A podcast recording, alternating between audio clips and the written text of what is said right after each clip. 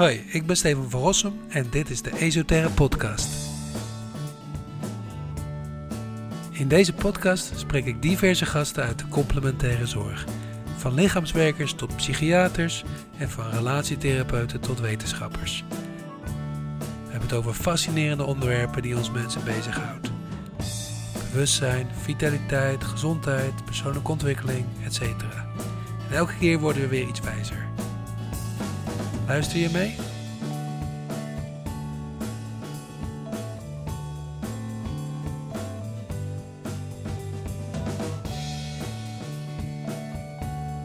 Ik weet een beetje van boeddhisme, ik weet wat van Ayurveda, um, de Oosterse filosofieën, maar van Taoïsme weet ik eigenlijk heel erg weinig. En um, nou, dat is een goede reden om eens op bezoek te gaan bij Reinoud Eleveld. Want die is daar al zijn hele leven mee bezig. En die kan uh, hopelijk een, uh, een uh, tipje van de sluier lichten over wat Tao is en wat we ermee kunnen. En waarom het ook de laatste jaren zo aan populariteit wint in Nederland. Reinoud, um, jij weet meer van Tao dan ik. En misschien zeg ik het wel verkeerd, want ik heb hem wel een klein beetje geprobeerd in te lezen. Mooi. En ik heb vroeger ook op Qigong gezeten. Volgens mij komt dat ook uit die stroming. Hè? Ja, correct. Als ik het er zo, mijn kennis gaat zover dat ik denk van nou, het is volgens mij een, een, uh, een Chinese uh, religie, religie of leefwijze die voor mij veel lijkt op boeddhisme. Ja, zo uh, mooi. Hoe ver zit ik ernaast? En daar mag je nu iets verstandigs over zeggen. Klopt het? Klopt het, ja. Nou, Want dan gaan we nou het is wel een heerlijk, heerlijk effect van klok en klepel dit. Dus uh, het is... Um, het Taoïsme is een oeroude wijsheidsstroming. Uh, het woord Tao komt... Uh, is voor het eerst in de geschriften opgedoken rond zo 400 jaar voor Christus. Dus zou een beetje kunnen redeneren dat het als zodanig Taoïsme bestaat sinds uh, 2000, 2500 jaar. Maar er zijn bronnen die nog veel verder teruggaan. Er zijn wel, er zijn wel opgravingen gedaan uh, met allerlei symbolen die daar in die graven gevonden werden, waar je dan toch wel gaat denken van, hmm, dat zijn eigenlijk voorlopers van of zoiets.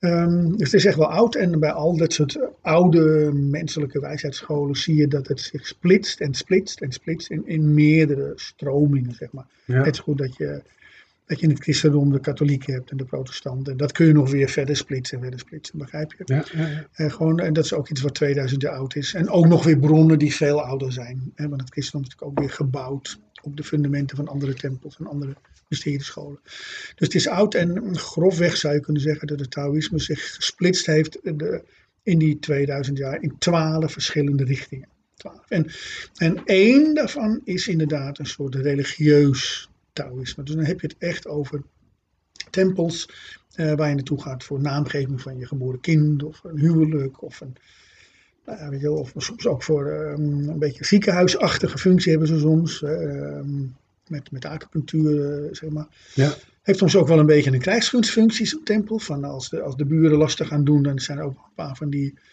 van die Taoïstische krijgers die dan nou, zeg maar voor de vallei opkomen en die eigenlijk fulltime bezig zijn met vechten. Dus die kunnen in een eentje wel honderd van die boerenpummels dan aan. Ik zeg maar wat, weet je wel.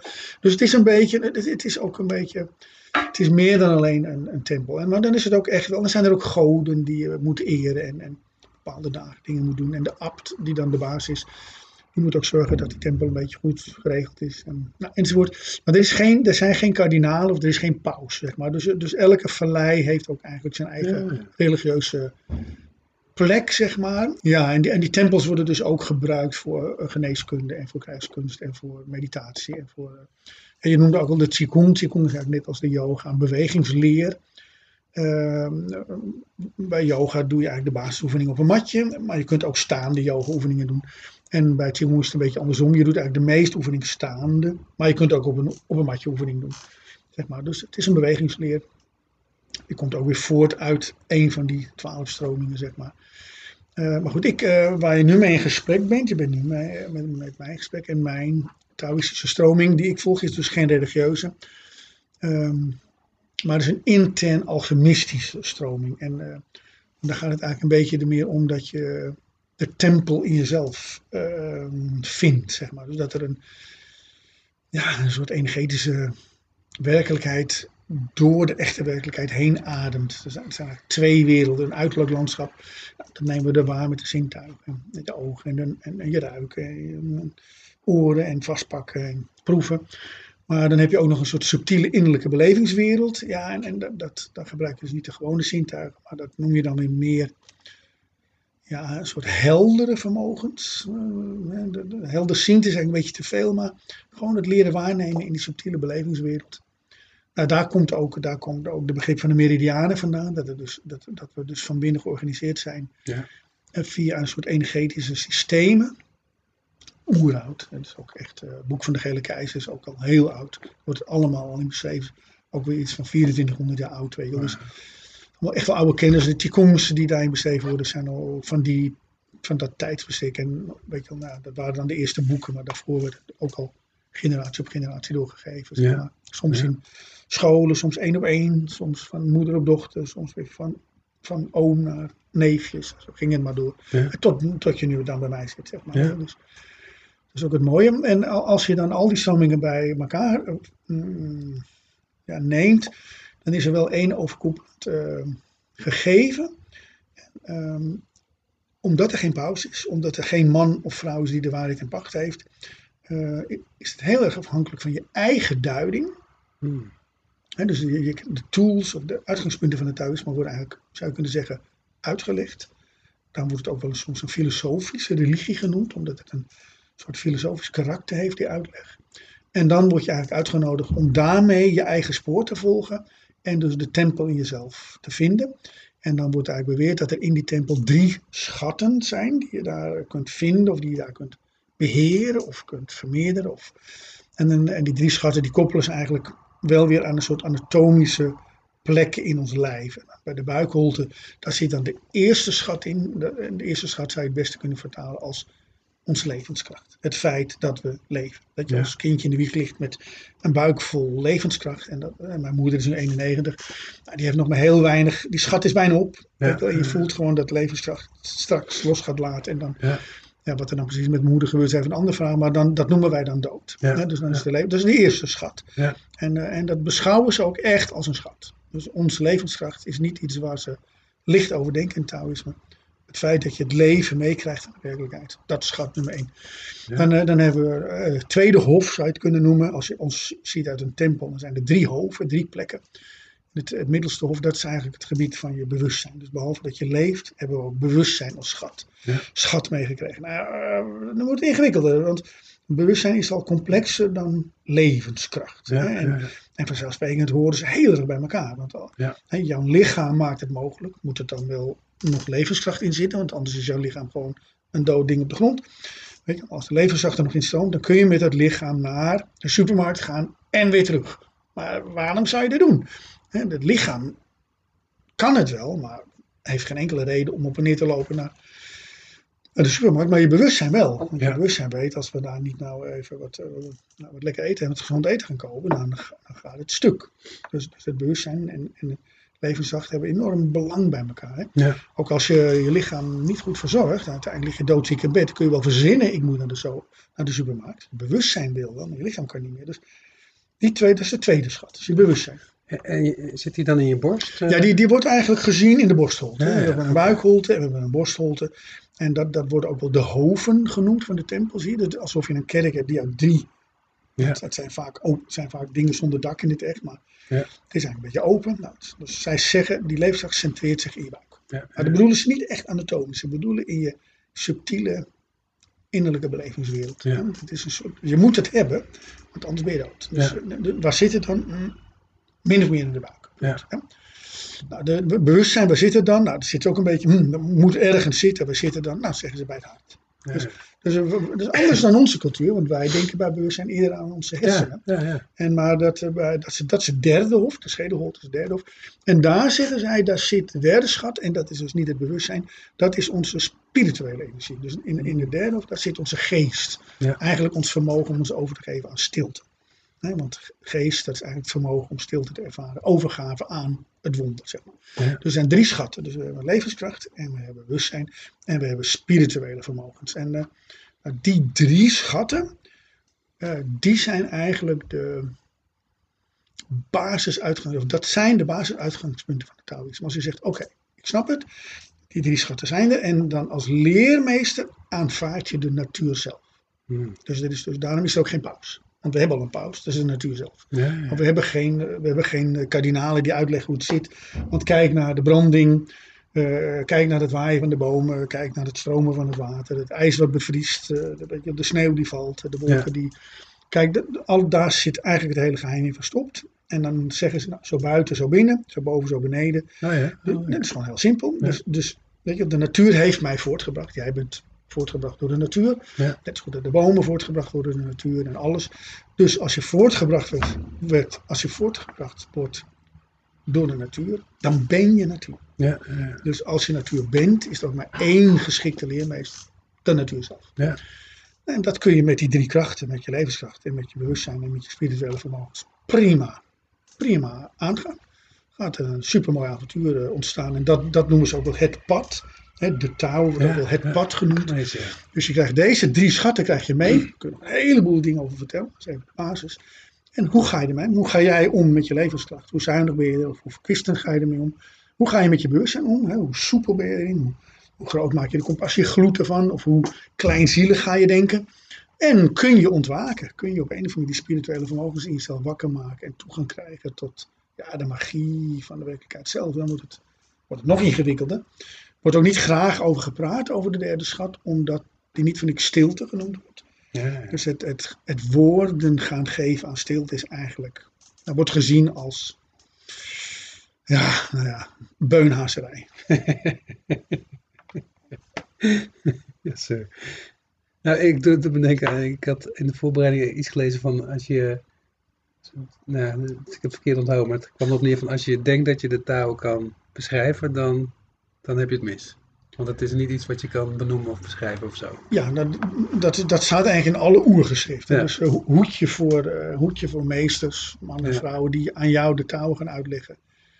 Want de taal kan niet beschreven worden. Dus, dus alles wat zo iemand zegt is ladikoek. Dat is natuurlijk ook een probleem voor mij. Ja. Ik, bedoel, ik ben een Taoïstische trainer. Dus nou, dan kom je aan. Nou, Rijn, dat zeg eens wat over de taal. En de eerste valkuil is natuurlijk dat ik iets zeg. Want dan ben ik er al ingestapt. Dus ik zou eigenlijk moeten, moeten jij zegt, Rijn, kun je iets over de taal vertellen. Zou ik eigenlijk dit moeten zeggen. En nou heb ik het heel goed geformuleerd. Maar dan zit jij, ja, dit is geen, dit is geen leuk interview. Dit is geen leuke podcast, nee. Dus kun je niet toch wat zeggen? En dan kom ik weer voor de tweede valkuil. Dat ik het weer intrap en toch wat ga zeggen. Ja, Maar dat, dat even voor de duidelijkheid. De, de, dus je kunt best wel heel veel dingen over de taal zeggen. Maar naarmate je er dieper ingaat, dieper de wonder ingaat, uiteindelijk kom je dus bij, dat, bij die spirituele vermogens over, uit. En als dat ontwaakt, hè, daar hebben alle, alle mysteriescholen over de hele planeet hebben het over dat ontwaken, wat we eigenlijk kunnen als mens. Dat doet niet iedereen, maar het kan. En dat gebied waar je dan in komt, kun je niet met woorden beschrijven, omdat woorden per definitie bij het bewustzijn horen en niet bij de stilte. Ja. Dus dat, dan ga je die twee schatten door elkaar halen. Ja. Dus je kunt met je bewustzijn nooit, nooit met spirituele kracht. Eh daar kun je gewoon niet bij. Het is Nee. net zo goed dat de levenskracht het bewustzijn niet snapt. Ja, Weet je wel? En, maar het bewustzijn kan de levenskracht niet nadoen. Snap je? Het bewustzijn is echt afhankelijk van de levenskracht. En je, met je bewustzijn kun je geen levenskracht maken. nee, Heb je? En dus ze hebben elkaar nodig.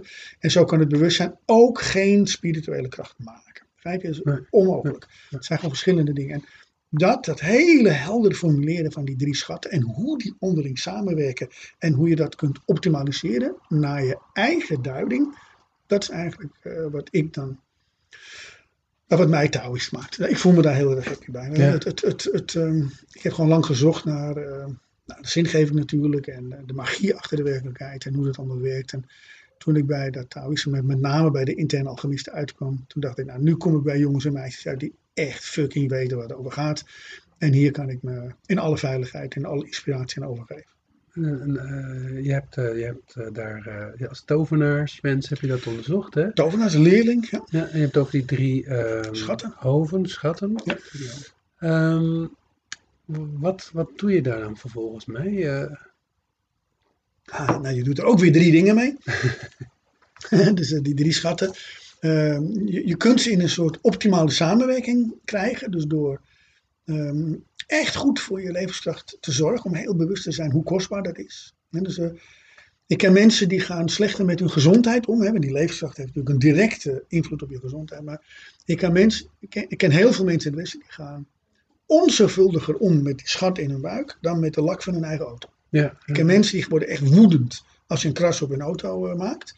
Maar ze zetten hun eigen levenskracht bekrast en verwaarloosd in de tuin, in de regen, zonder er ook om te kijken. Dus weet je wel, ze doen zoveel destructieve dingen met zichzelf dat je eigenlijk verbijsterd bent. Van, en dat, dat een Taoïst doet dat niet. Die is, die is zuinig op zijn leven. Maar dan heb je het over, over voeding? Over verkeerde voeding, uh, verkeerde slaapgewoontes. Uh, ja. ja. stressbestendig zijn zogenaamd. Dat bestaat helemaal niet. Stressbestendig zijn. Maar multitasken, gewoon uh, te laat naar bed gaan. weet je wel. Um, er zijn zoveel mensen die eigenlijk op hun 50 60 echt al hun levensstijl echt vermalen hebben onder een spoor van rare beslissingen. Destructief gedrag naar zichzelf, zeg maar. Dus het eerste wat je gaat doen, is zorg nou dat je je eigen omarming van je levenskracht, dat je die uh, op een volwassen niveau krijgt. Ga er nou verantwoordelijk mee om. Wees er nou zuinig op. En dan trainen ze ook echt wel uh, oud, gezond oud worden. Dat is echt een ding bij de Taoïst. Dus, uh, als je als Taoïst op je vijftigste doodgaat, dan word je wel een beetje aangekeken. Nou, een loser. Ik weet niet, ja, is wel een beetje een loser. en uh, als je de honderd niet haalt, dan, gaan de wenkbrauwen wel een beetje omhoog. En, dus, uh, en dat is één ding. Het tweede, uh, de, en dat hangt dus ook samen met je bewustzijn. Dus je wilt eigenlijk dat je bewustzijn zich um, opent voor wat de levenskracht voor jou betekent. En je wilt dus bewust omgaan met het feit dat je levenskracht hebt. Dus dan zie je al die samenwerking. Maar het bewustzijn gaat over meer dan alleen uh, liefdevol met, je, met jezelf, met je lijf omgaan. Het gaat ook over liefdevol omgaan met de ander, met de intimie. Dus uh, de tweede schat, het bewustzijn. Hè, wat is bewustzijn? Uh, daar kunnen we ook nog een uur over praten voor de duidelijkheid. Dus, maar zij zien het vooral als de verbindingskracht. Dus als jij je ergens bewust van, bewust van bent, hè, ik kijk nu bijvoorbeeld naar de microfoon die we gebruiken om dit op te nemen. Nou, jij hebt een verbinding met die microfoon. Hè, hij is van jou en je bent er ook zuinig op, want dan weet je, dan werkt die en dan is blijmakend. Hè. Dus dat zou je kunnen zeggen, je hebt een verbinding, je bent eigenlijk liefdevol aan het omgaan met je microfoon. Ja. Je gaat hem niet slecht behandelen en dat is dat stuk is. Ja. Dus verbindingskracht is eigenlijk een liefdevolle uh, omarming van datgene waar je bewust van bent, wat het voor je betekent. En als zodanig, nou ja, ga eens even naar je vrouw. ik, ben, ik ben hetero, dus ik praat dan in partnertermen over een vrouw. Maar kijk eens naar je partner of kijk eens naar je kinderen. Dus dat is de tweede opdracht eigenlijk. Of kijk eens nou naar je werk of waar je bezield door raakt. Wat raakt je? Hoe ga je daarmee om? Ja. Dus kun je, kun je de, je bewustzijn slijp je in de, de omgang met, met je intimie. Dus, dus je kunt zien, als je bewustzijnsgloed gaat groeien, zoals, dan hou je hem in harmonie, maar dan ga je ook je gaat veiliger worden voor je vrouw en, en voor je kinderen en voor je kleinkinderen en, en misschien je moeder, misschien je vader. Dus, dus de mensen waar je van houdt, die ga je betrekken bij je training. Dus dat is eigenlijk de tweede stap. Ja? Dus uh, die levenskracht, ja, daar ga je zuinig op zijn. Vervolgens ga je leren omgaan, zo veilig mogelijk, uh, niet alleen met jezelf, maar ook met je intimie om te gaan. En dan gaat er iets op gang komen, want als je dat dus afstemt, dan gaat er eigenlijk een soort ja, de Taoïsten noemen het wel cooking rice. Dan gaat dat onderste hof, die gezondheid, die gaat langzaam maar zeker door het middenrif ja, een soort warmte geven. En als je dat dan harmonieus houdt en je, en je, houdt, en je krijgt dat langzaam maar zeker stabiel, dat je je vrouw niet belazert de hele dag. Of ik hou van je zegt en ondertussen over de schouder heen kijkt naar de decolleté van de serveerste. Dan mm zo gaat het natuurlijk. En, en dat je tegen je kinderen zegt, ja nu even niet, want papa is moe. Ja, papa is moe omdat hij de vorige, vorige dag te veel gesopen heeft. Snap je? Dus, dus alcohol is belangrijker dan die kinderen. Even de. Dus langzaam ga je dus leren omgaan met die mensen die voor jou belangrijk zijn. En als, als je dat harmonisch houdt, dan gaat er iets ontstaan en dat gaat er nog weer omhoog naar dat derde hof. En dat is het gegeven waarmee je spirituele vermogens gaat maken. Dan hebben we het alleen nog maar over de kwantiteit. Dus door een bepaalde manier om te gaan met je gezondheid en met je intimie, gaat er dus iets gebeuren wat in dat, dat bovenste hof, schedelholte, in het stiltegebied komt. En dat gaat als het ware groeien en groeien. En als dat uiteindelijk groeit, dan kan dat uiteindelijk leiden tot ontwaken. En, en als je ontwaakt, ja, dan word je eigenlijk een geïnspireerd, handelend mens. En, dus met, met, en ook een ins- inspirerend vermogen op anderen. En dan gaat het over het grotere geheel. Van, eh, gaan we nou wel of niet al die walvissen doodmaken? Of gaan we nu wel of niet eh, die bossen allemaal verbranden? Weet je wel? En ja. kan ik hier wel tien bomen planten, maar eh, op dit moment worden er 40 bosvelden verbrand. Weet je, wat de fuck zijn we mee bezig? Ja. Je? En dat is spirituele kracht. Maar Moet ik het ontwaken een beetje zien als, als, als, als bewustzijn? Dat je Nee, nee, nee. nee. Het bewustzijn heeft geen flikker met ontwaken te maken. Eh, Het is het tweede hof. Oh, ja. Bewustzijn is gewoon, dat hoort, dat is Nou, wat is gewoon, ontwaken dan? ontwaken is eigenlijk een ver- vermogen eh, om je geïnspireerd en inspirerend te bewegen in het grotere geheel. Dus hoe, hoe groot is je invloed op moeder aarde? Dus, eh, dus als jij geboren Ja, wordt en gaat dood, kun je de aarde beter achterlaten dan dat je haar aantrof. En weet je wel, dus, dus, toen ik geboren werd waren er 6000 walvissen. Ik zeg maar wat, en nu zijn er nog 600. Ja. Dat is niet goed genoeg, Reinhard. Nee. Snap je? Dus nu, nu schiet ik spiritueel tekort. Ja. En eh, dat is ook weer een heel, ken, heel belangrijk kenmerk van Taoïsme. Dat ze dus niet hun succes, spiritueel succes, afmeten aan hoe stil ze kunnen zijn. Hè, of, eh, of hoe heilig ze van binnen wel niet voelen. Ze kijken gewoon wat de fuck is mijn betekenis op het grotere geheel? In constructieve zin. Ja. Kan ik het bos helpen groeien? Kan ik de walvis eh, laten zwemmen? Kan, kan, ik, kan ik zorgen dat, eh, dat onze dochters niet lastig gevallen worden door pornografische, achterlijke, Ja. whatever, gekken? Maar dit, dit is een hele ecologische... eh, Het is een natuurfilosofie. ja, Dus, dus, dus, dus wie gaat nou zijn eigen leermeester beschadigen? Dat Ja. is onbegrijpelijk. Ja. De, de natuur is, die brengt ons voort en die is onze leraar. Wat Ja. gaan wij doen? Zoveel mogelijk plastic als we kunnen in, in de zee gooien. Ja. Dat, is, dat plastic in de zee gooien is niet Taoïsme. Dat is westerse cultuur. En, eh, en die westerse cultuur, I'm not impressed. En dan zeggen de westerse mensen ook nog, ja, magie geloven we niet in. Het is allemaal zweverig. Mag je mij vertellen wat er concreet verstandig aan is om plastic in de zee te gooien? Snap je? Dat noemen ze dan niet zweverig, dat noem ik volle- volledige, halve garen apenkool. Ja, nee, nee. En dat doen we collectief. Snap je? Dus Ja. westerse cultuur is echt een grote onveilige cultuur. We zijn onveilig voor onze levenskracht. We suipen en, we- en we, we kloten maar wat aan met die levenskracht. Weet je wel? We zijn seksueel grensoverschrijdend. Een tweede van onze relaties sneuvelen in eh, grensoverschrijdend gedrag van een van beide partners of allebei. Spiritueel betekenen we niks. Weet je, van, ja, we, ja, we zouden wel willen dat er geen welvers geslacht worden. Ja, ja, ja, ja, nu begint het nieuws. Nu, moet, nou ben ik moe. Ja, geen intensiteit, geen inspirerend vermogen. Het is gewoon een armzalige bedoeling. Ja, ik ken Tao- Taoïsme tot nu toe niet, maar hè, zo, zo, zo zie ik het wel eh, voor me. eh, Maar dat komt dus omdat het relatief laat eh, naar het westen ja, gekomen is. Dus. Iedereen was al bezig met tantra, met boeddhisme en, Ja, ja, ja. en, en vipassana en met zen-boeddhisme. En dan komen ook de interne alchemisten. Die, eh, helemaal aan het eind, ja, die hebben moeten vechten voor hun leven. dus die komen dan twintig jaar naar buiten. Hallo, we hebben ook nog iets te vertellen. Iedereen boe, weet je wel. Ja. We hebben al iets anders te doen hier. Ja. Nou ja, dan wordt het wat ingewikkelder. Maar dat maakt voor mij niet uit. Ik ben happy.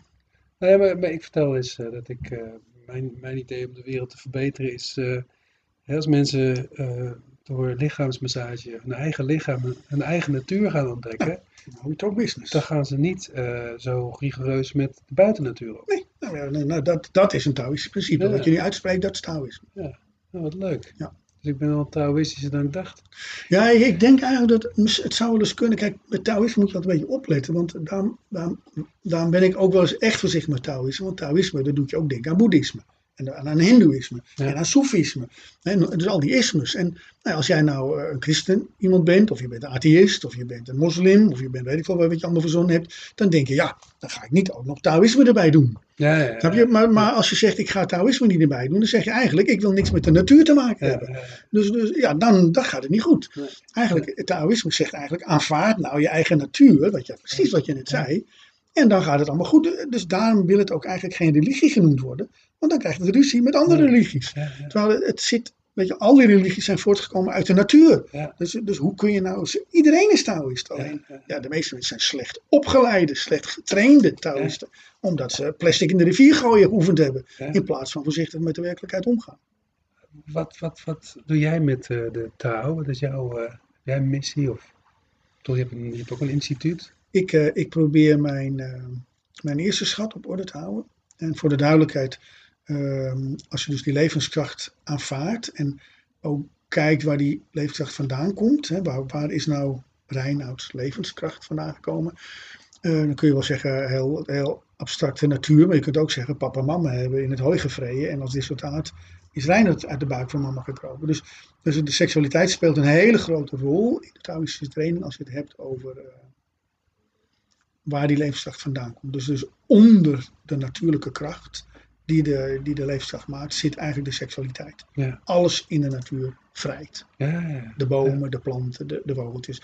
Dus de, de seksuele training, als je, seksueel, als je Taoïsme gaat trainen, dus als je het gaat praktiseren, hè, want je vraagt me eigenlijk hoe praktiseer jij nu Taoïsme, dan is een van de dingen die ik geleerd heb, is mijn seksualiteit veilig en mooi te laten rondstromen in mijzelf. Op zo'n manier dat het zich gaat voegen aan mijn levenskracht. Dus ik, ik net zo goed dat mijn ouders levenskracht gemaakt hebben, die ze later in een bundeltje in de wieg Reinhard hebben genoemd, zo herhaal ik dat proces in mezelf.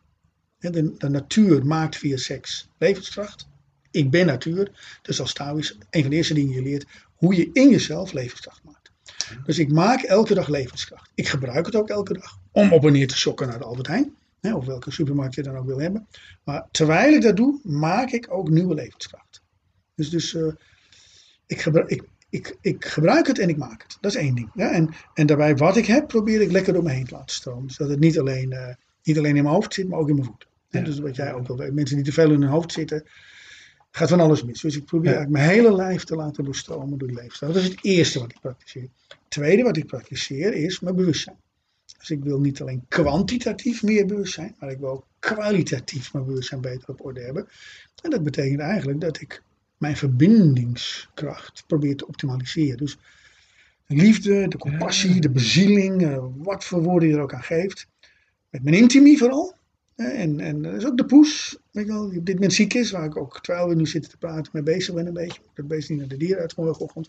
Uh, hoe ga ik nou om met die verbindingskracht? Want, want je bewustzijn uh, slijpt zich aan de verbindingen die het aangaat. Als jij, als jij geen, als je, als je het raam kijkt, mensen in dat huis, dat huisje daar, nou, we weten helemaal niet wie daar woont. Dus ons bewustzijn heeft geen verbinding met die mensen. Dus we moeten echt aanbellen. Van hallo, nog even kennis maken. En dan zeggen nou, nou, nou heeft mijn bewustzijn contact met deze mensen. Dus als je, als je niet, geen contact ermee hebt, dan kun je, het niet, kun je er niet aan slijpen. Snap je? Eh, dus eh, met andere woorden, het gaat helemaal over de omgang met datgene waar je van houdt. En dan de derde, daar ben ik ook aan het praktiseren. Ik wil natuurlijk, ik ben, als ik dat mooi in balans hou, mijn emotionele balans en hoe dat allemaal werkt. En die compassiegloed waar het dan over gaat, als je goed krijgt, dan wordt dat op zichzelf weer een stuwing naar de derde hof. En daar is dus die spirituele kracht zich aan het opbouwen. Dat, dat, dat, zit eigenlijk in een dicht potje. En het wordt eigenlijk onder druk gezet. Het vult zich en het vult zich en het vult zich in. Je hebt eigenlijk geen idee eh, dat het er zit, tot het op een gegeven moment boem doet. En dan, dat is wat bedoeld wordt met ontwaken. Ja, dus dat, en dat is eigenlijk zo'n non-polaire kracht die dan wakker wordt. En die non-polaire kracht, ja, die gaat eigenlijk ook uit van het feit dat ik verbonden ben met alles. Ja. Snap je? En met alles. En dan ga oké, als ik verbonden ben met alles, ook met het plastic wat daar in die zee drijft, en ook met die Japanners en die Noorweegse halve gaden die die walvissen doodschieten, als ik daarmee verbonden ben, hoe, hoe moet ik me daar dan toe verhouden? Snap je? En dan, en dan merk ik ook, wacht even, dat, moeten, dat kan ik niet in mijn eentje doen. En dat kan ik ook niet met, me, met mijn partner in de bos doen. Dat moeten we allemaal samen doen. Dus ik moet op een of andere manier contact krijgen met 7 miljard mensen en zeggen: Hallo, Ehm, wie zijn nou eigenlijk de hoeders van deze planeet? Gaan we nou, uh, gaan we nou de, de vragen om de boel op te lossen? Of lossen wij het op? Uh, dan ik hoop eigenlijk dat dan miljarden mensen zeggen: Ja, heb je eigenlijk wel een beetje gelijk, Rijn. Ik doe mee. Laten we eens kijken of we de planeet op zo'n manier achter kunnen laten dat over duizend jaar, over, over een miljoen jaar, onze achter, achter, achter, achter, achter kleinkinderen um, door de bossen kunnen lopen en, en kunnen zwemmen in de zee. En dat er wel vissen en dolfijnen langskomen. En uh, dat we echt denken, jeetje mina, wat een, wat een onvoorstelbaar geschenk van de werkelijkheid. In plaats van dubbel opbranden en denken, nou ja, na mij uh, de, de, de zon, de, de, weet je iets, de vloedgolf, whatever, nou de zonvloed, dat was hem, ja. Weet je, gewoon olé, olé, olé. En, uh, en dat was het dan, ja, nou ja, dus, dat is wat we doen ja, ja, in onze cultuur. En je schaamt je ook je ogen uit de kop dat mensen nog kinderen maken, ook in die situatie. Want wie gaat nou zijn kinderen dat aandoen? Wie, wie, gaat nou kinderen, waar die zogenaamd van houdt, aandoen dat de planeet vervuild achtergebleven wordt? Dat is van een absurdheid, absurdheid, een soort gekte. Nou, dat maakt mij boos. Ja. Nou, dat, dat boos is niet goed, dat is bewustzijn. Dat ontwaken heeft niks te maken met boos. Dat ontwaken heeft gewoon te maken met het vermogen om mensen te inspireren om mee te gaan doen. Om met elkaar iets te gaan doen aan zuinig zijn op de natuur. Want dat, dat is wat ons maakt. Dat is wat we zijn. Als je niet zuinig bent op het bos, dan ben je ook niet zuinig op jezelf. En, en vice versa. Dus Precies. Maar dat heeft dus ook met die, met die verbinding te maken. Ik denk dat mensen geen verbinding voelen met hun aarde, met hun natuur, met Nou, hunzelf. precies, als je je eigen lijf niet voelt, bij van spreken, of Ja. niet goed voor je eigen lijf zorgt, waarom zou je dan zuinig zijn op het lichaam van je dochter? Ja. Seksueel misbruik ligt dan drie seconden verderop. Weet je, als je van je eigen lijf houdt, dan denk je, ja, dat arme kind, die dochter van mij, die heeft ook een lijf waar je van moet houden. Aflijven. Maar hoe gaan we dan van die lichamen houden? Onze Nou, lichamen. ja, dat, dat, ehm, dan kom je, nou, nou ga je naar de technieken vragen. Ja, dus hoe, hoe? Nou vraag je niet eh, waar ben je mee bezig, waar gaat het over, nu vraag je naar het hoe.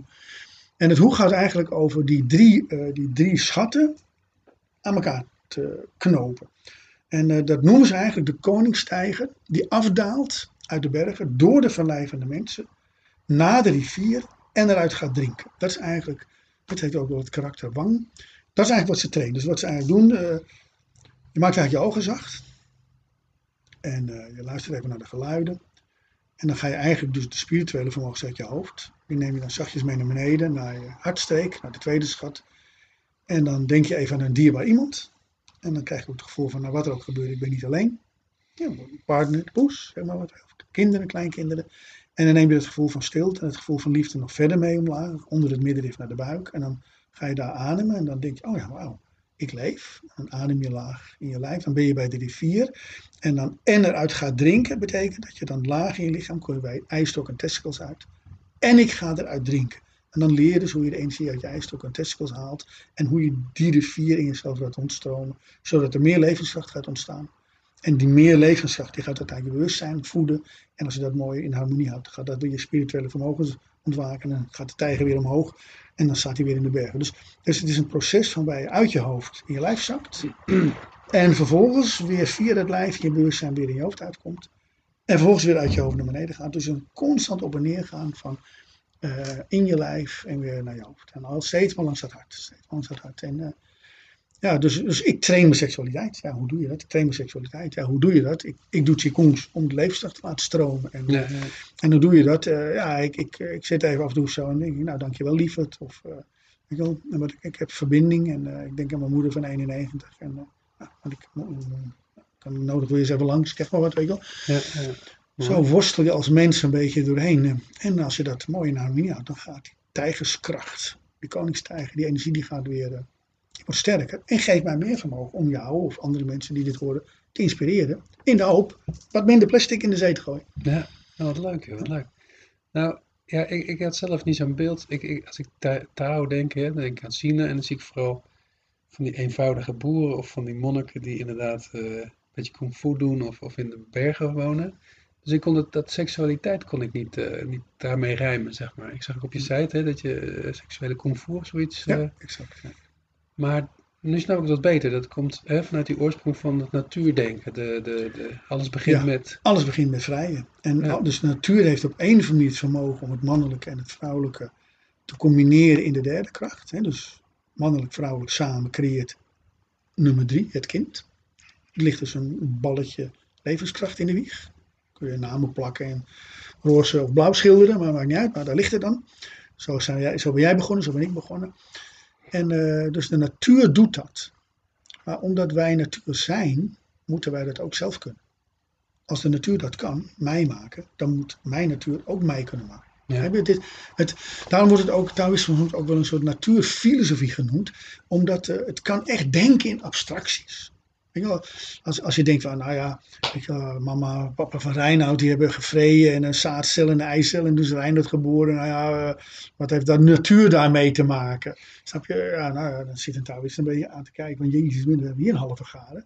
Die kan echt niet nadenken, snap je? Ja, Want Taoïst zoomt uit. Je ziet gewoon alles, alles vrijt. Ja. Dus de, de, de, waar komt de levenskracht vandaan? Yin en yang, dat is het beroemde Tai Chi symbool van yin Ja. en yang. Ja.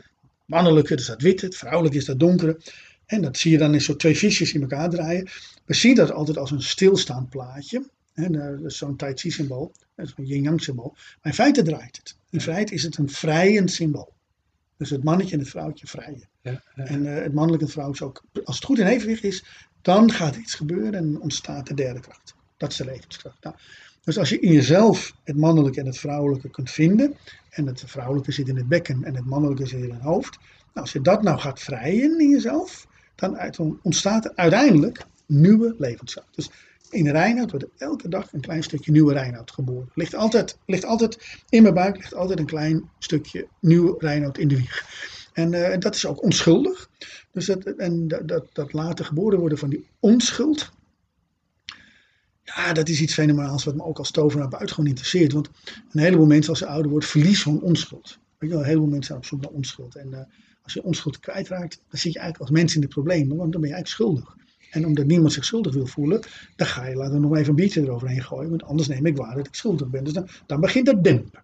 Ja? Maar in plaats van te dempen zou je ook kunnen zeggen: Oké, ik heb wat, uh, wat halfgare dingen uitgesproken. Ik ben schuldig. Uh, hoe kom ik nou aan onschuld? Hoe kom ik nou aan onschuld? Heel simpel. Maak een babytje. Dan heb je onschuld in de wieg liggen. Maar ja, uh, denk je dat het zin heeft om een babytje in de wieg te leggen? Nee, je moet in jezelf een babytje in de wieg leggen. En dat proces, hè, ik heb nu ook zo'n typische lesplaat staan. Eigenlijk ja. kunnen we misschien dan als foto toevoegen aan je presentatie. Maar als je een beetje, als je naar deze illustratie kijkt, zie je globaal een bek en bodem, een wervelkolom met een hoofd. dus die, die armen en de benen zijn eraf geknipt, maar je, kijkt eigenlijk naar een soort, alleen in plaats van anatomische symbolen, zie je totaal andere onbekende symbolen. En uh, nou, je ziet hier onderaan, hè, over het bekken, hier zie je de, zeg maar de oceaan, waar die moederkracht, die vrouwelijke kracht in zitten zie je een jongetje en een meisje op een waterrad zitten. Dat staat voor de testicles en de eierstokken. En je ziet dat ze daarop trappen, dat ze daarop treden. Dus ze activeren de seksuele energie. Die vervolgens niet naar de penis stroomt of naar de baarmoederstam, maar die wordt via deze poort, de heiligbeen, hè, via de heiligbeen stroomt die omhoog. Hè, dus de seksuele energie, de opwindingsenergie stroomt door de wervelkolom omhoog. Komt een vuur tegen, en jij bent anatomisch geschoold, dus je zult heel snel herkennen dat hier de lever en hier, oh sorry, hier de nieren en hier de bijnieren zitten. Ah, ja. Zie je? Dus het, het, lijken rotsblokken, maar hier herken je de nieren en de bijnieren. En die kunnen iets doen met die stroom van energie. En dan stroomt het hier, dat is eigenlijk het punt tegenover je hart, zeg maar, stroomt het erheen. En hier komt het, als je, dus, dus atlas, hè, dus je gaat, en dan komt het hier, en hier gaat het dan vrijen. Met licht, daar zie je de zonlicht, zeg maar, het mannelijke. En uiteindelijk komt het hier tevoorschijn. En toevallig alweer in babykleuren. Ja, dan stroomt het eigenlijk via de tong en de speeksel en het hart. En dan stroomt het eigenlijk hier naar de milt. En dan verspreidt het zich door het hele systeem. En dan stroomt een nieuwe levenskracht door je heen. En dat maakt eigenlijk het proces mogelijk om alchemistisch met jezelf aan de gang te gaan. Wat uiteindelijk ook het maken van een innerlijk kind creëert. En, en dat innerlijke kind kun je door laten groeien tot een bodhisattva. Iemand die helemaal bezig is met dat opstijgen naar die spirituele krachten. En hier zit dan zo'n vrouw of een man die dat spirituele niveau helemaal gerealiseerd heeft. Dus, um, ja. ja. dus dit, dit, wat, wat doe je? Dit. En, en ik kan, ja, nou ja ik, ik, ben, ik ben een professional natuurlijk. Hè. Ik ben al meer dan 30 jaar Taoïsme en intern alchemie in het doseren. Ik beleid het zelf ook. Elk moment van de dag. Ook in mijn dromen. Weet je, het is eigenlijk een 24 uur training. Het, het zijn van een natuurlijk wezen is gewoon 24-7. Zodra je de natuurlijkheid uitzet, dan is het verloren tijd. Dus je, je traint eigenlijk continu je natuurlijkheid. Ja. En je hebt het een paar keer over je seksualiteit op orde krijgen. Eh, kun je dat nog toelichten, wat je daarmee bedoelt? Nou, in, in, in onze cultuur zie je dat seksualiteit om te beginnen honderden jaren onderdrukt is. En ik weet niet, hoe, ik weet niet wat jij ervan denkt, maar in, in Taoïstisch opzicht is het onderdrukken van de seksuele kracht een heilzaam pad. Uh, heilloos, sorry, heilloos pad. Eén domme beslissing die je kunt nemen als volk, is de seksualiteit onderdrukken. Maar dan krijg je het probleem, seksuele revolutie van de jaren 50, 60. Oké, we gaan niet onderdrukken, dus we gaan het bevrijden. En wat zien we nu, als je gewoon eerlijk naar kijkt, dat we nu in een grenzeloze toestand terecht zijn gekomen. Dus nu is grensoverschrijdend de norm geworden. Dus het was eerst onder de bed, zeer schadelijk. Nu is het eigenlijk allemaal open en bloot, maar er wordt eigenlijk gejaagd op alles wat seksuele impulsen heeft. En eigenlijk onze eigen kinderen zijn niet veilig voor onszelf. Dus we zijn in een nou, eigenlijk een pornografische nachtmerrie uh, terechtgekomen. En de MeToo-beweging is ook echt een heel duidelijk signaal van de vrouwelijkheid. Van blijf met je fikken van de billen af. Eigenlijk wel, kan er iets respectvol omgegaan worden met, met seksuele intimiteit en met, met integriteit. Dan kunnen we onze kinderen iets minder pornografische werkelijkheid aanbieden. Ik ken jongetjes van negen, kinderen van vrienden van mij, die gewoon met twee knoppen zitten heftige porno te kijken. Nou, dan kom je als jongetje van negen en dan moet je straks met een meisje van twaalf, drie moet je gaan uitleggen dat je met hand in hand met haar wil lopen. Het is toch alles stuk gemaakt. Maar je, je, hebt, je, hebt, je hebt het stuk gemaakt. Ja. We kunnen onze kinderen dat toch niet aandoen, maar dat doen we dus consequent onze kinderen aan. Ja. Dus wat ik bedoel met seksualiteit orde krijgen is dat je dat spanningsveld nou eens vastpakt. Onderdrukken is een no-go. Maar grenzeloos laten worden is ook een no-go. Maar we weten niet anders. Dus we gaan, dan moeten we weer onderdrukken. Maar dat gaat niet lukken. Dan gaan we het weer grenzeloos maken. Dat gaat niet lukken. We, we zwalken maar heen en weer bij gebrek aan kennis. Maar het is natuurlijk een middenspoor waarbij je de seksuele energie vrijelijk laat stromen, maar binnen de grenzen van je eigen systeem. Hè, dus, eh, dus het staat eigenlijk al. Hier zie je eigenlijk seksuele energie niet onderdrukken. Laat hem nou stromen, maar binnen de grenzen van je eigen, in, in- van je eigen intimiteit. Seksuele energie onderdrukken is een ramp. Seksuele grensoverschrijdend maken is een ramp. Ja. Maar je, hoe hou je het in beweging? En in de grens zelf. En dat heet vrijwillige begrenzing. Dus dat je, dat je eigenlijk, je bent seksueel wakker, stromend, rijk. En tegelijkertijd ben je nooit grensoverschrijdend naar jezelf en anderen met seksualiteit. En als een iemand je lief aankijkt en zegt, nou, eh, hoe gaan we dat veilig en stap voor stap opbouwen? En dan zit er geen dwang op, maar een soort natuurlijke, natuurlijke drang om op basis van gelijkwaardigheid en voorzichtigheid met elkaar te leren omgaan. En als je dat voorleeft aan je kinderen, gaan die kinderen ook zien, oh wacht even, zo kan het ook. Ja. En dan gaan die kinderen ook voorzichtig met elkaar een beetje proberen. En eerst maar eens even hand in hand lopen. En dan eens een keertje een zoentje. En dan maar weer in de groep voetballen en het houtje springen. En dan weer eens bij elkaar. En dan ga je heel geleidelijk. En dan ben je zo drie, vier, vijf jaar bezig. Voordat je uiteindelijk ja, zo bloot bent dat je gaat vrijen. En dat je, dat je misschien ehm, nou ja, met, met, met erecties en met vagina's aan de gang gaat. Weet je. Maar dan ben je... dan, dat heb je heel rijk uitgepakt. In plaats van haastig geconsumeerd en dan op zoek naar de volgende Ja, precies. die zich moet vervullen. Ja. Dus het is een soort ook weer de weg van de natuur. weg van de En natuur. niet weg van- consumeren, maar... Nee. En, en nee, dus, dus beide polariteiten in jezelf herkennen. Ik wil ook mijn seksualiteit onderdrukken, want wat denken ze wel niet van me anders? Ja. Dat maar ik wil ook mijn seksuele, seksualiteit laten stromen. En ik, als ik iemand leuk vind, wil, wil ik eigenlijk zonder schuld en schaamtegevoelens maar zeg, maar in bed kunnen liggen met iemand. Wel? Dus ik wil, maar, maar hoe krijg je nou het midden? En Ja. het midden ontstaat door die beide kanten te omarmen. Iets aan mij wil onderdrukken, iets aan mij wil grenzeloos maken. Nou, prima allemaal, kan er gewoon zijn. En wat gebeurt er dan? Hup, het vangt zich in een stromende, stromend systeem, wat zich langzaam maar zeker gaat, gaat, gaat vullen. Uiteindelijk ben je vol eigenlijk. Als je seksualiteit traint, ben je vol. De meeste mensen zijn altijd seksueel leeg. Ja, Ze zijn op zoek naar iets, iets in de ander wat dat moet vullen. En dat, dat orgasme moet erbij gehaald worden en klaarkomen. En dan, als het maar opwindend en spannend is, want dan is het leven saai. Ja, dat is allemaal onbegrijpelijk. Als je seksualiteit traint, dan zit je in een mooie intensiteit. En saai en spannend bestaat helemaal niet. Er Ja. bestaat alleen maar gewoon groei. Nee, ik snap het. Het is eigenlijk onnatuurlijk dan, hè? Onnatuurlijke... Nou, het, het, het is destructief, laat ik het zo Ja. zeggen. Weet je, wel, de natuur doet ook destructieve dingen. Begrijp je? Komen- Als er een tsunami aankomt, dan zeg je ook, ja, lekker die natuur. Het is gewoon de natuur. doet, hè. Of als er een keer een bliksem inslaat eh, in een boom, dan zeg je, nou, die boom stuk. Nou, die natuur is ook lekker bezig, snap je? Het is niet allemaal, eh, het is niet allemaal, eh, het, is geen, het is geen makkelijke werkelijkheid. Het is een spanningsveld tussen constructieve en destructieve krachten. Hmm. Alleen moet je nou zo nodig zelf bij de destructieve krachten gaan horen. Weet je, hoeveel walvissen kun je opeten in je leven? Jezus, mina, weet je, echt, dat kun je toch ook anders oplossen? Ja. Dus het gaat, gaat eigenlijk over het constructieve vermogen in jezelf meer en meer plek geven. De oerboodschap is ehm, dat je je seksualiteit kan trainen. Ik denk dat dat wel één van de grote boodschappen is van, eh, van de, de interne alchemisten. Is dus een stroming van het Taoïsme, wat, wat eigenlijk de, de tempel in onszelf herkent, die uit drie hoofden bestaat. En dat de, de, ja, de, de benzine om dat systeem aan de, aan de gang te krijgen, de brandstof, de motor, dat is eigenlijk die seksualiteit. Dus, dus dat je dat, als je dat leert, dat je dus die seksualiteit in jezelf leert stromen. En dat is voor westerse mensen iets heel raars, want die zitten of in het onderdrukken of in het grenzeloos. Ja. En dat wat dat oplevert, dat is eigenlijk wel on- ongelooflijk. Ik denk dat dat wel het, het tweede belangrijkste is, wat er in het Taoïsme bestaat. Dus eh, komt op de tweede plek. Train je seksualiteit. Het meest belangrijke, denk ik, van, eh, van het hele Taoïsme is dat je de Taoïstische training begint met zachte ogen.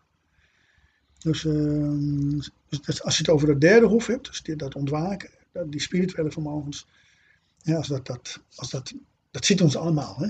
Ik zit hier- niet te, te verkondigen dat, dat snap je, jij hebt net zoveel groen spul als ik, maar hoe ga je dat nou openmaken? Hoe ga je dat nou van invloed laten zijn op je leven. En de truc is eigenlijk om je ogen zacht te maken. Dus eh, alsof je kijkt naar een jong poesje of, uh, of een paar eendjes of uh, iets wat onschuldig is en iets Ja, wat, ja, wat, ja. wat veilig is. En dan als je jezelf veilig verklaart en als je verbindt met onschuld, dan, ja, ik weet niet. Dus ik denk dat dat in al die 50 jaar trainen, dat dat het belangrijkste is wat ik geleerd heb. Mooi, mooi. Met zachte ogen bedoel je dus, eh tenminste, ik vertaal het even naar, ja, met liefde of met compassie. Ja, met vertrouwen ook, ook met, met een verlangen om veilig te zijn en een verlangen om de werkelijkheid ook als veilig eh, te, te, te ervaren. Dus niet, niet uit te gaan van wat er allemaal mis kan gaan of wat er allemaal misgegaan is, maar, maar wat er ook aan schoonheid op je afkomt en, en wat je aan schoonheid kunt onthouden over de dingen die je meegemaakt hebt. Dus eh, we functioneren veel beter als we de toekomst veilig verklaren en ook eh, ons verleden zien als een verzameling van schoonheid. Maar ehm, ik heb in het verleden ook minder schoonheid dingen meegemaakt. eh, die vormen me. Hoe, hoe pak ik dat aan als een Taoïst? Dingen die je Trauma's, eh ja, trauma speelt een enorme rol in het systeem. Ehm, onmachtsbelevingen. Ehm, nou, als je niet oplet, dan, dan kun je zo'n trauma, eh, dat geeft een heftige shock in je systeem, waardoor je eigenlijk de toekomst gaat zien als een potentiële bron van nog meer trauma. Ja. Dus, dus eh, trauma heeft, heeft het gevaar een beetje dat het zich in jezelf verkrampt en vastzet. En, en daardoor, daarom is een echt trauma ook zo heftig altijd, omdat het eigenlijk je, je spoor verandert van, van hoop naar wanhoop. Van, eh, van vertrouwen naar wantrouwen. Ja.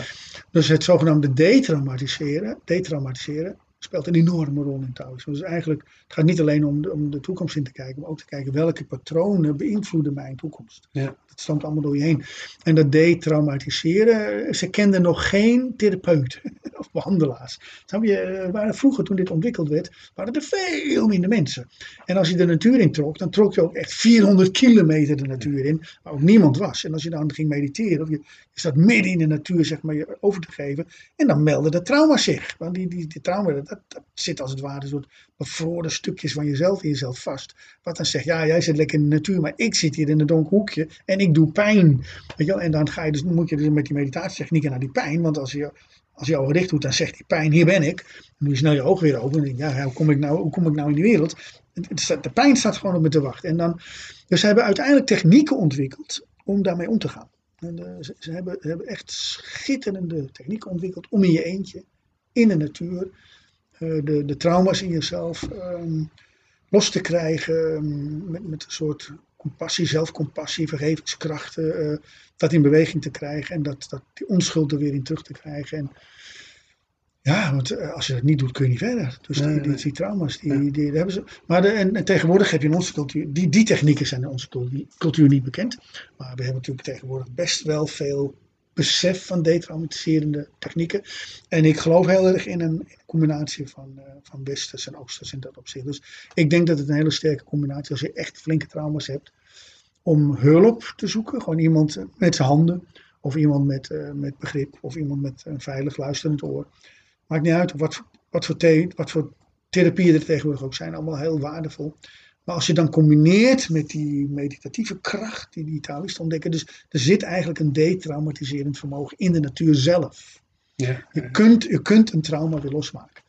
Weet je wel, eh, dat, de, natuur, de natuur kan dat. Ja. En de natuur in jezelf kun je ook vinden. En daar zijn die technieken op gericht. En de combinatie werkt super. Mooi, mooi. Ja, maar zo, je, je snapt het al, dit stopt natuurlijk nooit.